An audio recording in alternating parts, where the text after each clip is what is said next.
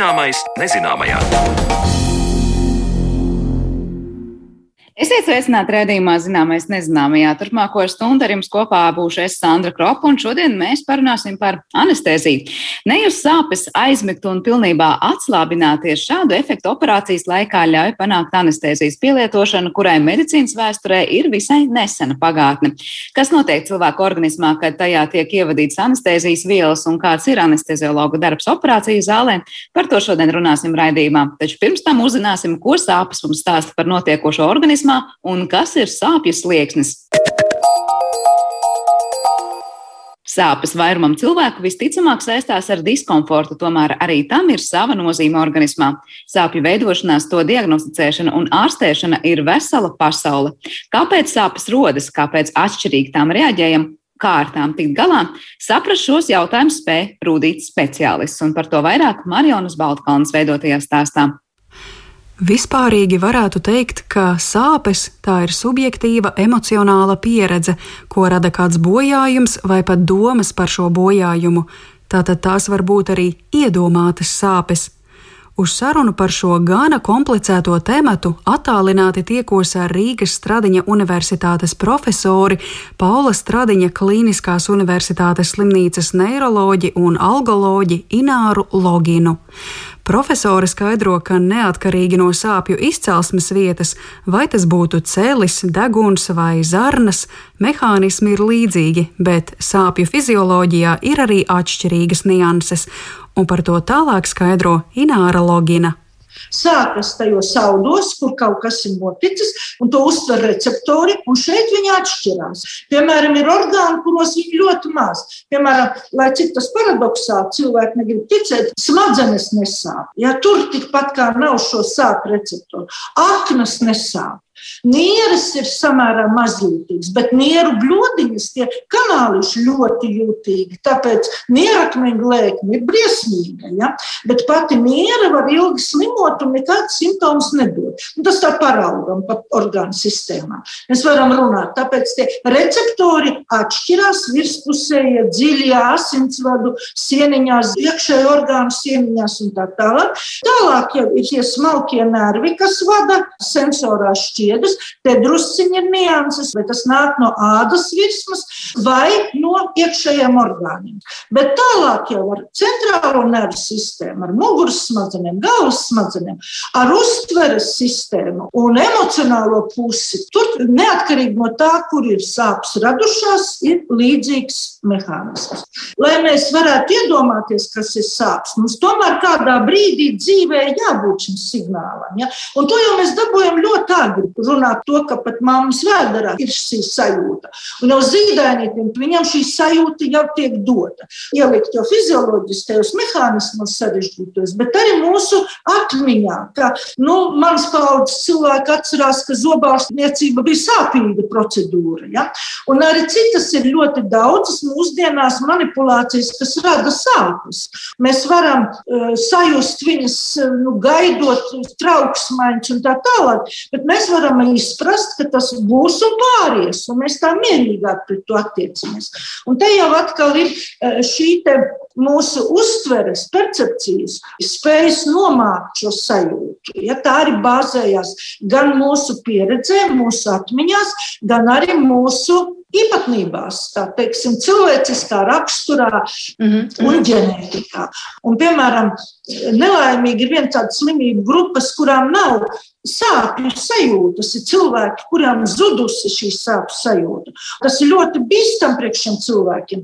Tas ir ģenētiski ielikts, bet, piemēram, pazaudēt sāpju sajūtu pēc muguras smadzeņu bojājuma vai elementāra lieta - cukura diabetes. Cukura diabetes, kas bojā smalkā šķiedriņš, un cilvēkam nav sajūtas pēdās, viņam traucēts. Un līdz ar to kaut kāda skramba un tā tālāk viņš viņu nejūt, viņam nesāp. Bet tas organismā rada iespēju iekļūt infekcijai, radīt iekaisumu līdz pat nopietnam sarežģījumiem. Tātad noteiktu gēnu esamība, galvas smadzeņu zemgarozes struktūru veidota sāpju uztvere un arī attieksme. Šie ir faktori, kas nosaka, vai un kā mēs sāpes sajūtam. Tas arī paskaidro, kāpēc viens cilvēks sāpes panes vieglāk, bet otrs ir jutīgs teju pret visu. Attieksme pret sāpēm var veidoties jau agrā bērnībā. Man patīk, un es citēju šo elementāro. Bērniņš skrien un nokrīt, ja? sasitās. Tā tev arī vajadzēja. Tu mani neklausīji, tāpēc nokrīt. Viņam vienmēr ieliek šo attieksmi, ka tas ir sots, sāpes ir sots. Ja? Un tā cilvēks tā dzīve tā izveidojas. Ja? Vai otrādi, nu, nokrīt, nu, piecelies, papūtīs, un tūlīt tev pāries. Un tātad šī audzināšana, ja? šī ielikšana, šī mīlestības attieksme vienam pret otru, vai taisnība otrādi savādāk agresīvā attieksme, ja, tas arī veido šo sāpju panesamības sliekšņu tā tālāk. Ja runājam par sāpēm, vai tas ir labi vai slikti? Labi un slikti vienlaikus. Labi, jo tas ir organisma brīdinošs signāls. Mums ir dota šī sajūta, sajust kaut ko kaitīgu, biedējošu, grieziens, sitiens un tā tālāk. Ja iegriež sasiti, jāsāp, tā ir norma.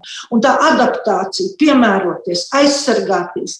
Bet par daudz, par ilgu, par stipru jau vairs nav norma. Ir slimība, jau ir patoloģija.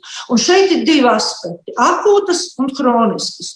Un par akūtām sāpēm mēs saucam nu, līdz mēnesim, bet tas ir atkarīgs no tā bojājuma stipruma, no tās signāla stipruma, sasitums. Nu, dažam pāries pēc dažām minūtēm, ja? bet nu, tāds zilums prasīs taču nedēļu, ne? Un tas ir normālais šis dzīšanas, slimības attīstības mehānisms mehānisms. Un pēc klasifikācijām pat līdz trīs mēnešiem ir šajā akūto sāpju ietvarā. Un tad, kad jau normāls dzīšanas process tā kā būtu beidzies, bet sāpes turpinās, un tad mēs runājam par kroniskām sāpēm. Nu, protams, pati slimība var būt kroniska. Piemēram, tas pats artrīts, locītā slimība. Ja? Bet sāpes, kas šajos gadījumos ir, pastiprināti jūtīgums ne tikai tajā locītavā, bet arī apkārtējā šajos saldos, uztveres pati vadīšanas sistēma, tā teikt, uzvelkas, ir jūtīgāka. Ja? Te nāk arī mūsu šī emocionālā puse. Nu, mēs saprotam, kā sadzīs un tā tālāk, bet tas tomēr traucē, tas nepatīkam. Mēs izsīkstam. Izsīkst mūsu aizsargs sistēma, kurš saistīta ar serotonīnu, noradonīnu. Tas pats mehānisms, kas ir depresijām un trauksmēm. Dažreiz cilvēki brīnās, man dod antidepresants, man sāp. Nu, ne jau tāpēc tikai, ka jums tur tā depresija vai tā tālāk. Mums bieži bieži vien nemaz nav. Ja? Bet, lai palīdzētu šai sāpju sistēmai tikt galā. Bet eh, sakiet, eh, jūs kā speciālists arī ikdienā izmantojat kādu eh, sāpju skalu, pēc kuras jūs mērītu, vai kādam sāp vairāk vai mazāk? Tas droši vien ir subjektīvi, bet pēc kā jūs vadāties? No sāpju novērtēšanā balstās uz cilvēka pašnovērtējumu. Bet, protams, ka pastāv šie mērīšanas instrumenti. Ja? Tie ir tā sauktie sāpju lineāli, jeb sāpju intensitātes skalas. Ir lineāls, kur parāda, cik kurā vietā ārsts nomēra, bet visbiežāk lieto šo numerisko skalu. Nulles sāpes nav, desmit ir neiedomājamākās sāpes, kā mēs sakām, pa sienu var rāpot, ja no sāpēm. Un cilvēki lielākā daļa uh, kritiski novērtē šo savu. Nē, šobrīd man tikai divi, bet vakar vakarā gan gandrīz visi astoņi bija. Ja? Bet ir cilvēki, kuriem, piemēram, viņš brīvīgi, brīvi kustās un tā tālāk, man ir deviņi. Nu, ja tu manā priekšā vari pilnīgi brīvi noģērbties. Man ļoti grūti noticēt, bet pacientam vienmēr ir taisnība arī tad, kad viņam nav taisnības. Tad tā viņš sajūt. Vai viņam to devītnieku dod tā fiziskais defekts, fiziskā kaita, slimība, vai viņa uztvere. Tas ir mans uzdevums, mēģināt saprast. Un ir ļoti daudzas skalas atšķirt, kāda veida sāpes. Ja mēs šobrīd nepieminējām, kāpēc mehānismu, jo visas sāpes sauc par nociceptīvajām, tās ir audu sāpes, somatiskās sāpes vai, vai viscerālās, ja tātad pašo saudo slimību, locītavu muguru un tā tālāk. Ir neiropātiskās sāpes, kas ir nervu šķiedru bojājums, un ir nociplastiskās sāpes, kas saistās ar uztveri, ar novērtēšanu, šo pastiprināto, šo emocionālā līmeņa uztveri. Un viņas tomēr ir atšķirīgi ārstējums. Ināra Logina stāsta, ka sāpju ārstam jeb algologam vajadzētu strādāt jau ar diagnosticētu stāvokli un hroniskām sāpēm, nevis akūtu sāpju jautājumiem, kas varētu būt piemēram pēkšņas asas sāpes vēderā. Tomēr viņa norāda, ka dažkārt algologam nākas risināt diagnozes jautājumus, ja cilvēks citviet savu atbildi nav saņēmis. Līdz ar to svarīgas ir plašas zināšanas, lai saprastu, pie kāda speciālista pacientu vēl nosūtīt izmeklēties, kā arī vienots jeb holistisks skatījums uz cilvēka organismu. Viņš ir bijis pie viena, pie otra, pie trešā, pie ceturtā speciālista, ļoti daudz izmeklējumu, bet kas viņam vairāk sāp? Miesa vai dvēsele? Daudzreiz tas ir ļoti grūti atšķirams jautājums, un bieži vien tas ir abi kopā. Ja? Un tāpēc, kā ārstēt, aprūpēt, klausies, izjautā, prasi, un tad ārstē atbilstoši tam, ko tu atradi. Un tāpēc tāda ārsta algologa pieņemšana principā ir ļoti gara. Man ar 45 minūtēm reizēm nepietiek, lai saprastu. Respektīvi, gan veids, kā sāp, cik stipri sāp, kur sāp, kāda diennakts laiks, provocējušas kustības vai miers vai tā tālāk. Tā puzlīte tā kā jāliek kopā no daudziem aspektiem. Vai vienmēr izdodas? Nu, protams, ka nē. Mm, mm. diemžēl, diemžēl nevienmēr izdodas palīdzēt. Mm. Attiecībā par sāpēm mans personīgais viedoklis ir daudz gadu garumā. Ar sāpēm nevienu nevar izārstēt, var izārstēties. Tas ir mūsu kopdarbs, ja pacienta un ārsta, arī citu speciālistu. Ir kaut kāda varbūt statistika, nu, kas ir tie biežākie sāpju gadījumi, kuros brīžos cilvēki tiešām iet pie algologa ar kādiem jautājumiem? Visbiežākās vispār sāpju veids pasaulē kopumā kronisko sāpju veids ir muskuloskeletālais. Tas ir muguras, locītavas, muskuļi, cīpslas, saites un tā tālāk. Ja? Tas ir arī Latvijas pētījumos. Un otrs biežākās sāpes ir galvas sāpes. Ja? Tev uzreiz var pateikt, ka ir 300 diagnozes, pie kurām var sāpēt galva. Ja? Un visbiežāk mums ir parastās lietas - saspringuma galvas sāpes un migrēna. Un tas sastāv apmēram 90% no visām galvas sāpēm. Kā jau es teicu, pašas smadzenes nesāp. Ja? Un, piemēram, tāpēc audzējs vai kaut kā cits simptomi izpaužās ne ar sāpēm, galvas sāpēm ļoti bieži. Turpretī, kad šis process galvas smadzenēs skar citas struktūras, kuras ir jūtīgas, piemēram, smadzeņu apvalki. Ja, un, ja audzējs ieaug tajos apvalkos, tad sāk sāpēt galva. Insults, biežā patoloģija. Ļoti bieži nesāp insults.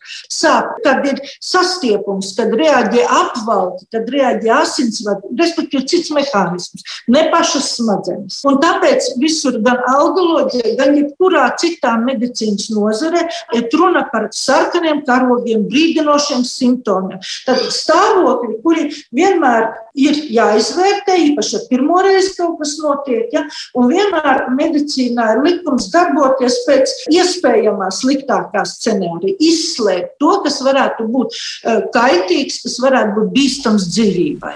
Runājot par ārstēšanu, ne jau tablete ir galvenais. Ināra Logina min, ka pasaules prakse pareizā ārstēšanas secībā ir šāda. Vispirms rehabilitācijas pasākumi, piemēram, ar stiepšanās vingrinājumiem, procedūrām, pēc tam medikamentozā terapija, psihoterapija, mazinvazīvā terapija, jeb tautā sauktās blokādes, kas dažādu procedūru veidā labi attīstās arī Latvijā, un visbeidzot tikai beigās ir ķirurģija. Protams, tas arī atkarīgs no situācijas, jo akūtu vēdera sāpju gadījumā, ko varbūt radījuši nierakmeņi, jātaisa operācija taču noteikti nevajadzētu novērtēt par zemu vingrojumus vai psihoterapiju. Par sāpju veidiem, to novērtēšanu, ārstēšanu un citiem ar sāpēm saistītiem jautājumiem stāstīja Rīgas Stradiņa universitātes profesora Paula Stradiņa Kliniskās universitātes slimnīcas neiroloģija un algoloģija Ināra Logina. Bet raidījuma turpinājumā mēs palūkosimies anesteziologu darbu ikdienā un tajā, kā cilvēka organisms reaģē uz šādu atsāpināšanu.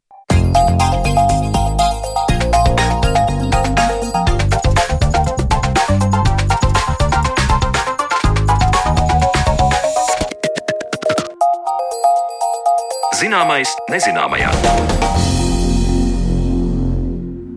Iespēja nejust sāpes uz operāciju galda, labojot zobus vai veicot kādu citu invazīvu manipulāciju, tā ir dāvana, ko cilvēks var baudīt tikai pēdējos simt gadu laikā. Mūsdienu medicīna nebūtu iedomājama bez anestēzijas, taču ko mēs zinām par šo teju brīnumaino līdzekli, kas ļauj mierīgi gulēt, kamēr ķirurgs operē? Un kādi ir anestēzijas veidi mūsdienās un kā uz šīm manipulācijām rēģē cilvēku organisms? Par to visu mēs runāsim mūsu atlikušajā raidījuma sadaļā, kad uz eh, sarunu esam aicinājuši Rīgas Tradiņu Universitātes anestezioloģijas un reanimatoloģijas katedras vadītāju profesoru Indulu Vanagu, kurš ir arī Paula Stradiņa Kliniskās Universitātes slimnīcas anestezioloģijas un reanimatoloģijas klinikas vadītājs. Labdien jums! Labdien! Uh, nu, palasot tos medicīnas vēstures stāstus par, nu, gribas teikt, tām šausmām, ko piedzīvoja gan ārsti, gan arī pacienti senatnē, jāsaka, nu, mūsdienās mēs esam tādi, nu, tiešām piedzīvojuši tādus nu, brīnumainas līdzekļus, ja paskatās, cik ļoti ir mainījušies un attīstījušies veidi, kā cilvēks var nu, mazināt vai vismaz vispār radīt iespēju, ka cilvēks nejūt sāpes. Kā jūs, kā anesteziologs, reanimatologs, skatāties uz to anestezijas vēsturi un tās pirmajām lapusēm? Jā, anestezija no vienas puses ir jauna zinātne un kliniskā nozare, no citas puses eh, anestezijas intensīvās terapijas elementi jau ir saskatāmi pirms mūsu ēras. Jau ir aprakstīta atdzīvināšana, jau vecajā derībā ir reanimācijas pasākumi aprakstīti.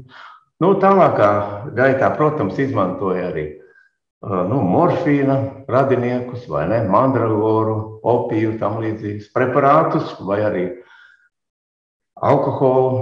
Un tikai 1846. gadā tas sākās īstā ēra, kad 16. oktobrī Bostonā pirmo reizi publiski un sekmīgi tika realizēta vispārējā anestezija. Sākumā tā bija ētera anestezija, drīz vien chloroforma anestezija, un mums jau ir šobrīd daudz preparāti, ko izmanto gan vispārējās, gan reģionālās anestezijas realizācija. Par šīm dažādajām anestezijas eh, metodēm un veidiem droši vien mēs varam parunāt arī sīkāk, bet pirms tam es gribēju jums vēl precizēt par to nu, konkrēto. Tātad 846. Eh, gads, jūs teicāt par datumu, tātad gadījums, kad tas notiek, var teikt, tas ir tāds mūsdienu anestezioloģijas sākums. Jā, 16. oktobrī parasti arī uzskata par pasaules anestezioloģijas dienu. To atzīmē mediķi visā pasaulē. Nu, tas ir tas atspēriena punkts. Iespējams, ka iepriekš jau arī daži ārsti realizēja anesteziju vispārēju, bet vai nu tas nebija publiski, vai arī nebija panākumi. Kaut kāda kļūme bija. Un kas mums ir zināms par to pirmo gadījumu? Tas bija kaut kas ļoti sarežģīts, manipulācija. Nu, tas bija, kā tas bija? Tā bija stomatoloģiska manipulācija, zobārstniecība, bet viss izdevās sekmīgi. Runājot par tiem dažādajiem veidiem anestezijas, ko jūs tikko jau piesaucāt, es domāju, daudz no mums tiešām tā arī varbūt domā, nu tad vispārēja anestezija vai nu tāda, ko mēs sakām vietējā, tad, kad mums tur zobus labo vai, vai kā citādi pie zobārsta aiziet, ar ko sas, sastopamies. Cik dažādas vēl ir tās anestezijas un ar ko tās īsti atšķiras? Nu, faktiski mūsdienās izmanto vispārējo anesteziju, jeb narkozi. Tāda reģionāla anestezija, lokāla anestezija Un ļoti populāri pēdējā laikā ir arī perifēra nervu un nervopinuma blokādes. Tas nozīmē, ka nevis anestezijas līdzekļi ievada pašā nervā vai nervopinumā, bet tā tūmā. Un šajā gadījumā, protams, izmanto modernas metodes, ultrasonogrāfiju vai arī ar strāvu stimulāciju, kad pietuvojas šim attiecīgam nervam, tā var identificēt, lai viss būtu droši un sekmīgi. Bet ar to metodi ir iespējams iedarboties uz konkrēto to nervu apvidu un netraumēt esošos blakus kaut kādus citus nervus. Jā, ja tas ir iespējams, tad e, labāk agrāk realizēja tikai narkozi, vispārēja anestezija, tad palika šaurāk, teiksim, spināla anestezija, subarachnoīda anestezija, epidurāla anestezija. Šobrīd, kur tas ir iespējams, arvien plašāk pielieto perifēru nervu un nervu blokādes. No pamatā tas ir iespējams traumatoloģijā un ortopēdijā. Bet tas princips, eh, kas notiek ar cilvēku, tad, kad viņam ir šāda veida anestezija, šī blokāde vai kaut vai reģionālā, lokāla anestezija, kas ar organismu notiek? Kas, viņ, viņš tāpat nejūtās sāpes, bet kas notiek ar visiem tiem audiem un orgāniem ap to visu? Vai tur ir liels atšķirības? Nē, nu, iedarbība tāpat notikusi faktiski uz receptoriem. Un vienīgi nav tā vispārējā sistēmiskā ietekme, ir mazāka tieši uh, konkrētā apvidū, un līdz ar to tā ir arī drošāka. Nav tāda vispārēja iedarbība. Var teikt, mazāk risku, jā, jo mēs darām. Mazāk risku, jā. Protams, tam ir arī zināmas kontraindikācijas, ka to nevar pieļaut, nevar realizēt. Tā kā visu katrā gadījumā individuāli ir jāapsver. Bet pastāv risks, ka varbūt beidzot tagad mēs runājam par to blokādu tieši uh, uz kaut kādu noteiktu laiku, nu, tad, piemēram, iedarbojoties uz to nervu apvidu, kaut kas noiet ne tā, un var teikt, pēc tam tie nervi neatgūst to jutīgumu, kam būtu jābūt, un kā pasargāt no tā, lai nav kaut kādas nevēlamas sekas. Nu, tā varētu būt, ja tieši trāpa pašam nervam, tad attīstās tāda neiropātija, bet tā parasti pēc, parasti pēc kāda laika, protams, attiest, vai ne? Tādēļ jau izmanto ļoti plaši kontrolas metodas. Pirmkārt, tā mūsdienās ir ultrasonogrāfija vai elektriskā strāva stimulācija dažādiem stimulatoriem. Tā. Lai viss būtu droši. Bet, ko tas nozīmē? Tad, tad ar šo ultrasonogrāfiju visu laiku skatās, kas tur notiek, un tas tiek pievadīts un bloķēts visu laiku. Kāds ir tas darbības princips? Atpazīst nervu. Tā faktiski ir topografiskā anatomija, vai ne cilvēku. Ne? Jāsaka, tiešām ultrasonogrāfija mūsdienās ļoti ienāk medicīnā visai plaši. To izmanto visās nozarēs. Un šeit atpazīt, kur tas nervs atrodas vai neropinums, un tieši tajā vietā tad arī ievada šo preparātu. Jūs teicāt, ka ir iespējams kādi elektriskie signāli, ar ko tas tiek darīts. Tad tas ir ievadīt vielas, vai tas ir, es nezinu, panākums? Nē, nē, tas nozīmē, ka arī šai adatai ir pieslēgts viens no elektrodiem un tā atpazīst. Un tad, kad eh, adatas gals pietuvojas šim nervam, tad notiek muskuļu saraušanās, jeb kontrakcija.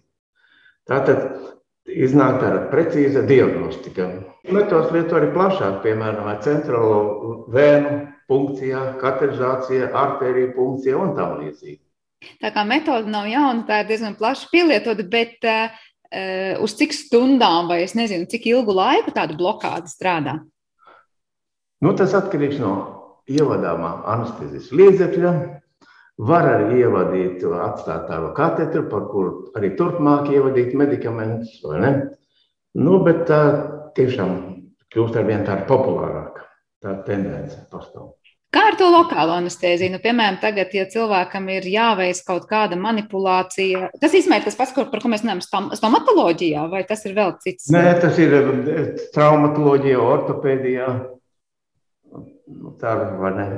Tātad arvien it kā mazāku vietu eh, ieņem atsāpināšanā. Nevis vispārējā, bet mazāku reģionu atsāpināšanu. Jā, bet jūs teicāt, šī blokāde ir viens no tiem veidiem. Vēl jau ir tā viens no veidiem. Piesauktā lokālā anestēzija, kas ir šī reģionālā. Nu, to arī ir lokālā, tā ir tāda infiltrācijas, bet anestezija plašāk lieto tādu, teiksim, spinālo vai subaraknēta anesteziju, epidālo analgēziju. To izmanto arī kā pēcoperācijas atsāpināšana, arī dzemdību atsāpināšanā, epidurālā anestezija. Un Tad var teikt, sāk ar vispārējo, un pēc operācijas vēl lieto šo epidurālo. Jā, bieži to kombinē. Un šo epidurālo katru jau parasti ievada pirms operācijas ķirurģiskās. Bet tas darbības princips, līdzīgi kā jūs stāstījāt par šo nervu, nu, ap nervu esošo blokādi ar epidurālo anesteziju, piemēram, tad darbības princips ir ļoti līdzīgs. Tur arī ir konkrētā vai reģionā ap kaut kādiem nerviem ievadīts šis līdzeklis, vai tur ir kaut kā daudz mērķētāk tā, tā, tā vieta, uz kuru tas tiek vadīts? Nu, ja realizē epidurāli, tad šis reģions parasti ir plašāks nedaudz ietver. Ja? Tātad tiek anestēti tie nervi, kur nāk ārā no muguras smadzenēm, un šeit ievada arī medikamenti tā nepārtraukti, parasti ar vai nu perfuzora vai tādiem sūkņu palīdzību, vai ne? Un to ilgstoši var arī atsāpināt pēcprāts periodā un arī pēc citām smagām sāpēm. Tas ir tas gadījums, kad cilvēks eh, visu pārējo ļoti labi jūt un saprot, bet, piemēram, nejūt, kas notiek ķermeņa lejas daļā, ja tur tiek veikta piemēram, kaut kāda uh, manipulācija. Kā ir ar šo vispārējo narkozi un kas īsti tad notiek ar cilvēku organismu? Jo dažkārt liekas, nu kā no vienas puses cilvēks var, var gulēt un neko nejust, jo tāpat laikā mēs zinām, ja mēs nakts guļā esam, tad mēs ļoti labi sajūtam, kas notiek apkārt. Nu, ja realizējam vispārējo anesteziju, tad šeit ir nejūtīgums. un, protams, miegs un arī skeleta šķērsvītrotās muskultūras atslābums. Izmantoti tiek triju grupu medikamenti. Tie ir hipnotiķi, kurus var ievadīt intravenozi vai arī inhalāciju veidā. Tā ir viena grupa hipnotiķi, otra grupa ir analgētiķi, drīzāk tie morfīnam līdzīgi preparāti vai arī sintētiskie opioīdi, piemēram, fentanils. Un trešā grupa tie ir periferās darbības, muskuļu relaksanti, tātad iedarbība uz skeleta šķērsvītoto muskultūru, Un nu, ir tāds atslābums, un arī operatoram tajā laikā ir vieglāk veikt ķirurģisko operāciju, piemēram, laparatomu. Pieauguši cilvēki parasti iemidzinām ar intravenozo preparātu, kas iedarbojas ļoti ātri, teiksim, vienu, divu minūšu laikā. Ja? Paralēli kādu opioīdu un muskuļu relaksantu, un jau faktiski pēc apmēram divām minūtēm var veikt trahejas intubāciju, tātad notiek mākslīga plauša ventilācija, vispār sanas laikā inhalē visbiežāk gaistošo inhalācijas preparātu, periodiski vai arī perfuzori tiek ievadīti opioīdi un pēc nepieciešamības tiek ievadīti muskuļu relaksanti. Un viss tas tiek monitorēts. Šobrīd, vispārējais sanas laikā, arī mēs realizējam, teiksim, hemodinamisko monitoringu. Tas būtu artēras asinsspiediens, elektrokardiogramma, pulsa oksimetrija. Tāpat visplašākais respiratorais e, monitorings, visas gāzes, teiksim, ielpā un izelpā un spiediena elpceļos redzam, varam sekot visam līdzi. Arī tas pats neiromuskulārais monitorings. E, varam raidīt impulsus uz noteiktu nervu un vērot atpakaļreakciju. Tā ir vai nav, varam spriest par receptoru aizņemtību. Un šobrīd ir arī smadzeņu monitorings. Tātad nevar būt tā, ka, piemēram, pamostās operācijas laikā un kaut ko jūt, tas praktiski nav iespējams, jo šobrīd varam realizēt bispektrālu analīzi, smadzeņu entropiju, tad sekojam līdz vispārējo anesteziju. Ne tikai miega līmeni, bet arī sāpju līmeni var noteikt. Tā ka šobrīd ir ļoti attīstīts šis monitorings. Bet, ja ne, ja neveic to smadzeņu monitoringu, tad var teikt, eh, nu, anestezijas vēsturē jau, nu, jau skatoties, eh, tad ir bijuši gadījumi, kad operācijas laikā var nākt pie samaņas un pamosties, un tad līdz ar to. Nu, tādi gadījumi ļoti reti ir aprakstīti, nu, kaut kur varbūt biežāk, teiksim, pie ķēzargriezieniem, ja to realizē vispārējā anestezija vai sirds ķirurģijā, kad ir atslēgta spontānā asins ritē. Ja? Bet eh, tik un tā ir daudz citu rādītāju. Te, teiksim, artēras asinsspiediens, um, um, pulss, ādas reakcijas, acu zīklīša reakcija. Varam sekot līdzi arī. Protams, arī katram aneslogam ar laiku izstrādājas intuīcija nu, un pieredze. Jā, es gribēju jautāt par to anesteziologa darbu operācijas laikā. Ja mēs tagad runājam par vispārējo narkozi, saprotu, tas ir tāds nu, nepārtraukts uzraudzības darbs, kā jūs arī teicāt, bet vai tas ir tas, kas nu jau ir atstāts tikai sistēmām, vai tomēr cilvēks tur nemitīgi skatās līdzi, un tur visu laiku kaut kas var tik ļoti strauji mainīties, ka anesteziologam ir visu laiku jāpieņem pašam lēmums, ko tagad darīt, ko nedarīt. Protams, anesteziologam pašam jāpieņem lēmums. Sekojam līdz visam, visam sistēmam, visam monitoringam. Un, ja kādas novirzes, protams, atskan arī reizēm tā, tā teikt, avārijas signalizācija, vai ne, vēršam uzmanību un koriģējam. Un nepārtraukti iet arī infūzija terapija. Intravenozi tiek ievadīti preparāti, arī kristaloidi vai citi preparāti. Temperatūra tiek mērīta. Tātad visplašākais monitorings tiek izmantots drošībai. Bet eh, kā sanāk, eh, tad, kad eh, ievadat sākotnēji šo anesteziju, tā ir kaut kāda deva, kas liks konkrētu laiku cilvēkam. Nu, tad būt šajā stāvoklī, kad viņš neko nejutīs, nesapratīs, gulēs. Vai tas ir visu laiku pa mazai, mazai devai tiek pilināts klāt un uzmanīts, lai, lai nu, kā teikt, kamēr to medikamentu nedod, Proti, tiklīdz to medikamentu nedos, tā tā anestezija beigsies. Vai tomēr tā ir iedot uz kaut kādu noteiktu, nezinu, pusstundu vai stundu, un tad atliek tikai uzmanīt tos datus, ko jūs jau minējāt? Pirmkārt, ja pacients ierodas uz operāciju, viņš saņems parasti premedikāciju. Arī operācijas zālē saņem tiešo premedikāciju. Tālāk tiek ievadīti teikt, preparāti, ievada anestezijas devēja, un tiek veikta, piemēram, mākslinieka plaušu ventilācija, trakejas intubācija, un tālāk jau nepārtraukti saņem preparātus. Visbiežāk pieauguši cilvēki un arī bērni saņem gaistošos inhalācijas preparātus. Un faktiski pēdējā laikā izmanto tos, kuri ļoti niecīgi metabolizējas. Tātad kā ielpo, tā arī izelpo. Tā ir viena grupa. Otra grupa ir opioīdi. Tos var ievadīt vai nu pēc nepieciešamības um, atkārtotās injekcijas vai ar perfuzoru, un tas pats ar muskuļu relaksāciju. Tā tie ir trīs galvenie vispārējais anestezijas komponenti. Bet tas, ko es teicu par to inhalējumu pusi, ja, tas nozīmē vienkārši sakot, cilvēks viņam uzliks masku un viņš ieelpos šo anesteziju. Nu, faktiski masku jau retāk mūsdienās izmantotāji caurulīte, kura ievadīta trahejā. Reizēm pēc tam ievada arī zondi kuģi, lai viss būtu droši. Un faktiski tā tiek veikta mākslīga plaušu ventilācija. E, šī gaisoša inhalēts preparāti tie faktiski šķidrumi, e, no kuriem iztvaikotāji atraujās molekulas, pārvar Vandervaala spēkus, nokļūst alveolās, caur alveokapilāru membrānu, difūzijas ceļā, smaz, e, vispirms plaušu asinsritē, tad vispārējā asinsritē, un tā nokļūst arī pie smadzeņu, šūnām un tās membrānām. Miega efekts.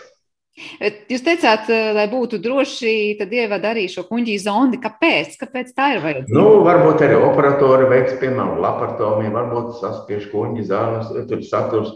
Katrā ziņā vispārējais sanas laikā un vispārējais laikā kuģim jābūt tukšam. Nu, tur, protams, producējas arī sauskābi, tā ir drošība. Un mūsdienās jau plaši veic arī laparoskopiskās metodas. Tātad paaugstināts eh, spiediens eh, veda dobumā, jeb intraperitonālais spiediens, nu, tiek saspiesti diafragmā, plaušas, nu, un arī kuņģis, un tas ir drošībai viss saprot. Kas notiek ar smadzenēm šādas vispārējās anestēzijas laikā? Es domāju, nu, mēs varbūt varam iedomāties, kas notiek ar smadzenēm, kad mēs guļam, un tad vienmēr saka, tas ir laiks, kad smadzenēm ir vajadzīgs miegs, jo tur notiek virkne svarīgu procesu. Nu, te gluži nav tāds pats miegs, kā mēs sapratām, bet kā ietekmē smadzenes eh, šāda veida anestēzija? Ja. Tas ir tāds mākslīgi radīts miegs, protams. Ja. Eh, šajā laikā mm, samazinās smadzeņu metabolisms, Nevis ir skaidrs īsti par darbības mehānismu, efekts ir zināms, bet darbības mehānisms tur ir savas nianses, tādēļ ir vairākas teorijas. Un smadzenes, tātad metabolismu līmenis samazinās, smadzeņu prasība pēc skābekļa arī samazinās, un smadzenes, tā teikt, atpūšas anestezijas laikā. Tikai mēs sekojam visam tam līdzi. Nu, kā jau teicu, šobrīd izmanto tādus medikamentus pārsvarā, kuriem ir kuri nemetabolizējas tikpat kā vai negatīvi metabolizējas, vai arī metabolīti ir neaktīvi. Nu, tad, lai ātri beigtu arī savu darbību, un nākotnē tiem medikamentiem, kuriem ir savi antidoti, intravenozi ievadāmiem, piemēram.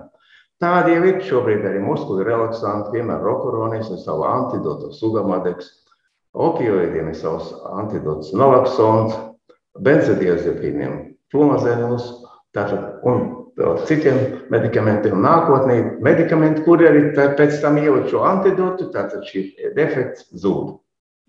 Bet tas zūd tāpēc, ka, var teikt, tie ir medikamenti, kas panāk pilnīgi pretēju efektu, proti, nu, modina to, to organismu tā kā augšā. Nu, tas kaut kāds hormons, tā kā adrenalīnu iedod vai kā. Vai arī iedarbojas uz receptoriem pretējā virzienā, vai it kā satvērš šo medikamentu, šī medikamenta molekulas, un kopā abi dodas, teiksim, tālāk tiks izvadīti ārā caur nierēm vai arī aknās metabolizēsies. Tad var teikt, tāds arī ir tas pamošanās mehānisms no narkozes, proti, kad iedod to pretējo medikamentu, kas neutralizē, var teikt, to, kas to narkozi radīja.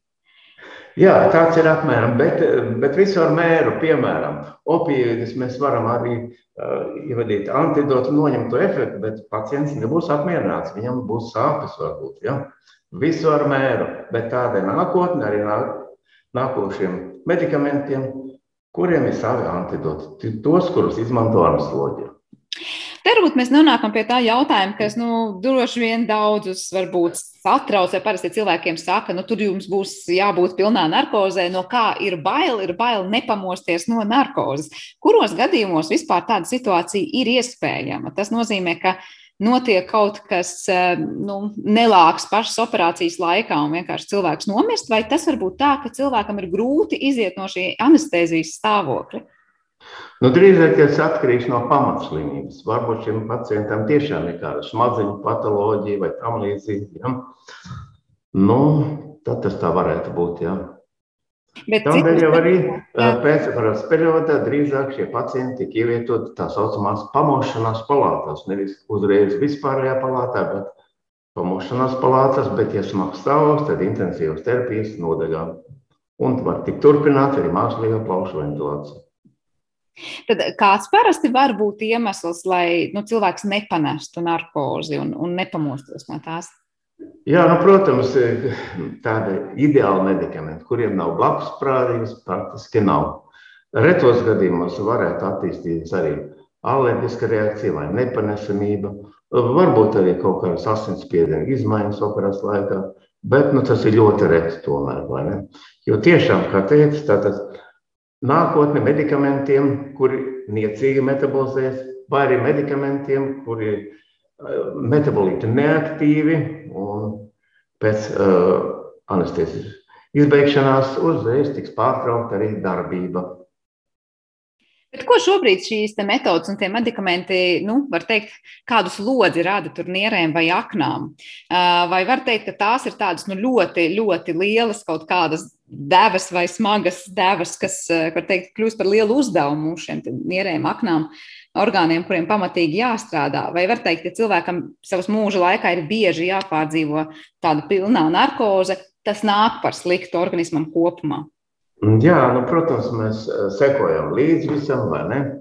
Uh, ir daži, daži tādi periodi, kad īpaši varbūt arī nevajadzētu veikt vispārēju anesteziju. Tas būtu grūti niedzēs pirmajā trimestrī, tikai ja ir speciāls indikācijas, lai mēs neietekmētu um, jaundzimušo bērnu Protams, tāda pierādījuma nav, bet nu, vienmēr jāuzmanās.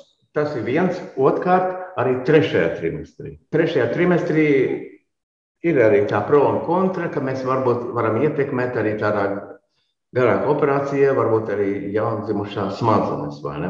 Un, lai nesabojātu viņa likteni, teiksim, lai viņš skolā mācītos un tam līdzīgi, tad neiesaka pirmajā un trešajā trimestrī. Ja? Tas ir viens.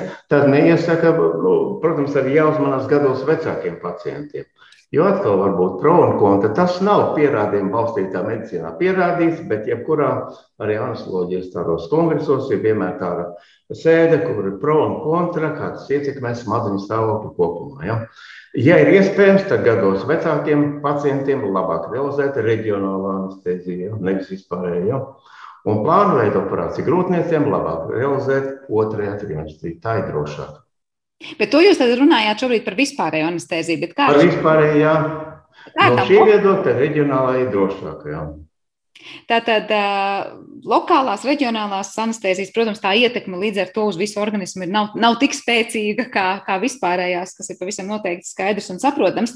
Kā ar to brīdi, ko cilvēki atceras vai neatceras pirms, ja mēs runājam par vispārējo anesteziju, došanās, var teikt, šajā miegā, tas ir saistīts ar to, kā šie medikamenti strādā un iedarbojas uz smadzenēm. Jo saka, ka laikam cilvēks neatceras, ja pilnīgi noteikti to brīdi īsi, kā viņš aizmiga vai kā viņš pamodās. Jā, arī, protams, benzodiazepīniem, piemēram, miduzlam ir lieliska īpašība, tā teikt, anterogradā amnēzija. Ja priekšā kaut kas slikts, tad viņš to pēc tam neatcerēsies stāvā. Ne? Un, protams, visi mūsu medikamenti, kurus izmanto ievadā anestezijas realizācijai, viņi iedarbojas ļoti strauji. Vienu, divu minūšu laikā. Kā ir ar šiem gadījumiem, nu, kad es vairāk runāju laikam, par sedācija. Tas būs laikam tāds viegls miegs. Tā var to pieminēt. Tā gluži nav lokāla anestezija, vai ne? Tas ir vēl kaut kāds cits paveids. Jā, faktiski tā var, to var arī kombinēt. Lokālā anestezija plus sedācija. Citur tā arī realizē, stomatoloģiskās operācijas, zobu operācijas. Lokāla anestezija un intravenāls preparāts, kurš arī rada lielas gan anterogrādu amnēziju, gan nomierina, un pacients paliek it kā vienaldzīgs pret apkārt visu noritošu. Bet sanāk, tajā brīdī tā vienaldzība ir tāpēc, ka cilvēks visu redz un dzird un saprot, un viņš ir tāds vienkārši miegains, vai tā ir tāda, var teikt, vieglas naudas sajūta tam cilvēkam? Faktiski šie sedācijas līmeņi ir vairāki. Uh, ir arī tā, ka vienkārši ir kā nomodā, bet neuztver to. Un, ja viņam veikta lokāla anestezija, tad viņam arī ir nesāpīgums, Nu, tā labi pacieši. Nu, pēc tam var ievadīt arī antidotu, cik tur ievadīt, vai neievadīt. Vienkārši. Bet jāseko līdzi. Arī veicot sedāciju, drošāk, ja veic monitoringu, vismaz pulsoksimetriju. Tātad reģistrē sirdsdarbības frekvenci un arī skābekļa saturāciju asinīs.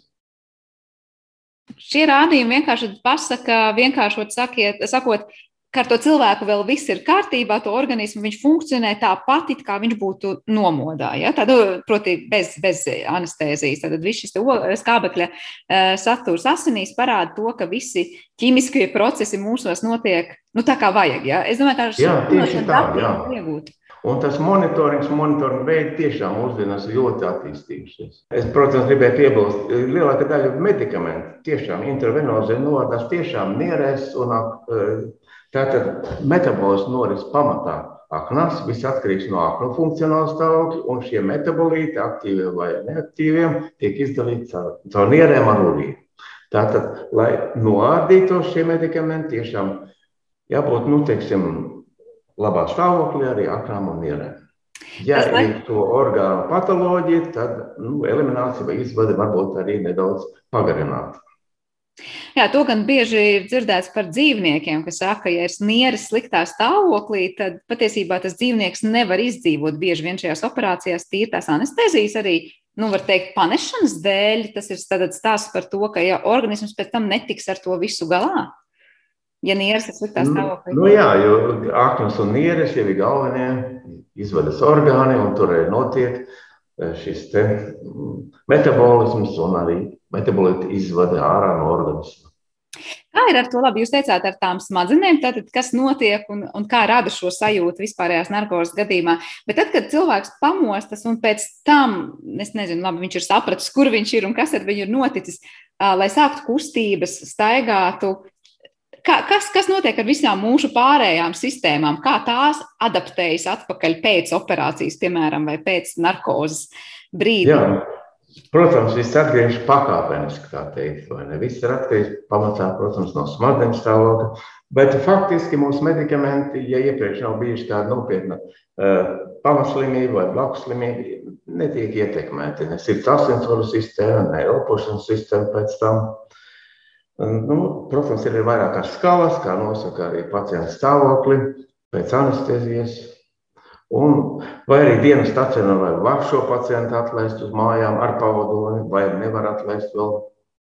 Ir vairākas skalas, vairākas metodes. Bet ir tādi orgāni, kas ātrāk un lēnāk pēc tam atgriežas atpakaļ ierastajā dzīvē pēc anestezijas. Nu, pēdējā laikā gan tiek radīti medikamenti, saku, vai ne, kur faktiski, kad viss organisms kopumā, bet viss pamatā galvenais, protams, ir smadzenes. Jā, smadzenes vēl ļoti sarežģīts orgāns, un par to var runāt daudz. Ļoti interesanti, liekas, brīžos, kad operē pašas smadzenes, kā tas notiek, kad ir šīs anestēzija un tāpat laikā notiek darbošanās ap šo orgānu. Bet, ja noslēdzošais jautājums mūsu sarunā, kas, jūsuprāt, ir bijis nu, tas attīstības dzenulis vai iemesls, kāpēc anestēzija tik ļoti ir mainījusies un attīstījusies, un jūs sakāt, parādās arī arvien jauni medikamenti un arvien jaunas iespējas, kā cilvēkus gan ieiet narkozē un iziet no tās, ko jūs sauktu par tādu lēciena punktu anestezioloģijas no. vēsturē? Ja jau nebūtu anestezioloģija un anestezija, tad vispār nevarētu veikt tādas ķirurģiskas operācijas. Lai tas viss notiktu, arī transplantācija, visas citas operācijas mūsdienās tiešām ir nepieciešamas šīs anestezijas metodes, lai viņas būtu pats galvenais drošas pacientam, cik var būt, un iespēja robežās, lai būtu arī jauni medikamenti. Un šobrīd varbūt arī nākotnē būs tādām inertām gāzēm, jo arī gaistoši inhalācijas preparāti iespējams arī piedalās ozonas slāņa novārdē, bet mazāk nekā freoni. Un, piemēram, nu, tiešām varbūt nākotnē inertās gāzes būs tās ksenons, varbūt arī argons. Citur jau tās iz, izmanto, dažās valstīs, bet to ieguve ir diezgan sarežģīta un aparatūra dārga. Bet tas ir arī varbūt tā drošāk. Un arī saka, mūsu medikamenti ar antidotiem un medikamenti, kuru metabolīti neaktīvi. Anestezioloģijas nākotne arī solās būt interesanta, bet es iedomājos, jūs teicāt šos te 1846. gadu, kas ir šīs anestezioloģijas sākuma atskaites punkts, nu droši vien tā laika pacientiem un ārstiem viss tas, kāda anestezioloģija ir šodien, liktos kā tāda zinātniskā fantastika vai neiespējamā misija. Jā, tā varētu būt. Un šobrīd jau arī runā par medicīnas daļai robotizāciju. Protams, galvenais būs cilvēks un anestezoloģijā. Nu, tas ir ārsts, anestezologs, reumatologs. Bet tāda tendence ķirurģiskā profilā un arī anestezoloģijā jau ir tāda robotizācijas elementi. Tie ir tādi kā darba palīgi ārstiem, anesteziologiem, kā, kā saka, vēl vienas darba rokas, vēl vienas acis un vēl vienas ausis, kas palīdz saprast. Jā, tieši tā, bet pilnīgi uzticēties nedrīkst. Galvenais ir tomēr ārsts, kas seko visam līdzi. Ārsts ar savu pieredzi un intuīciju, kā jūs teicāt. Jā. Nu, ko teikšu jums lielu paldies par šo sarunu. Es atgādināšu mūsu klausītājiem, ka šajā redzījuma pusstundā mēs bijām kopā Rīgas Tradiņu Universitātes anestezioloģijas un reanimatoloģijas katedras vadītāju profesoru Indulu Vanagu. Ar to arī šis raidījums ir izskanējis. Par to parūpējās producents Paula Gulbīnska, mūzikas redaktors šai stundai bija Girs Bišs, savukārt ar jums kopā šeit bija es Sandra Kropa. Mēs tiekamies jau atkal rīt. Visu labu!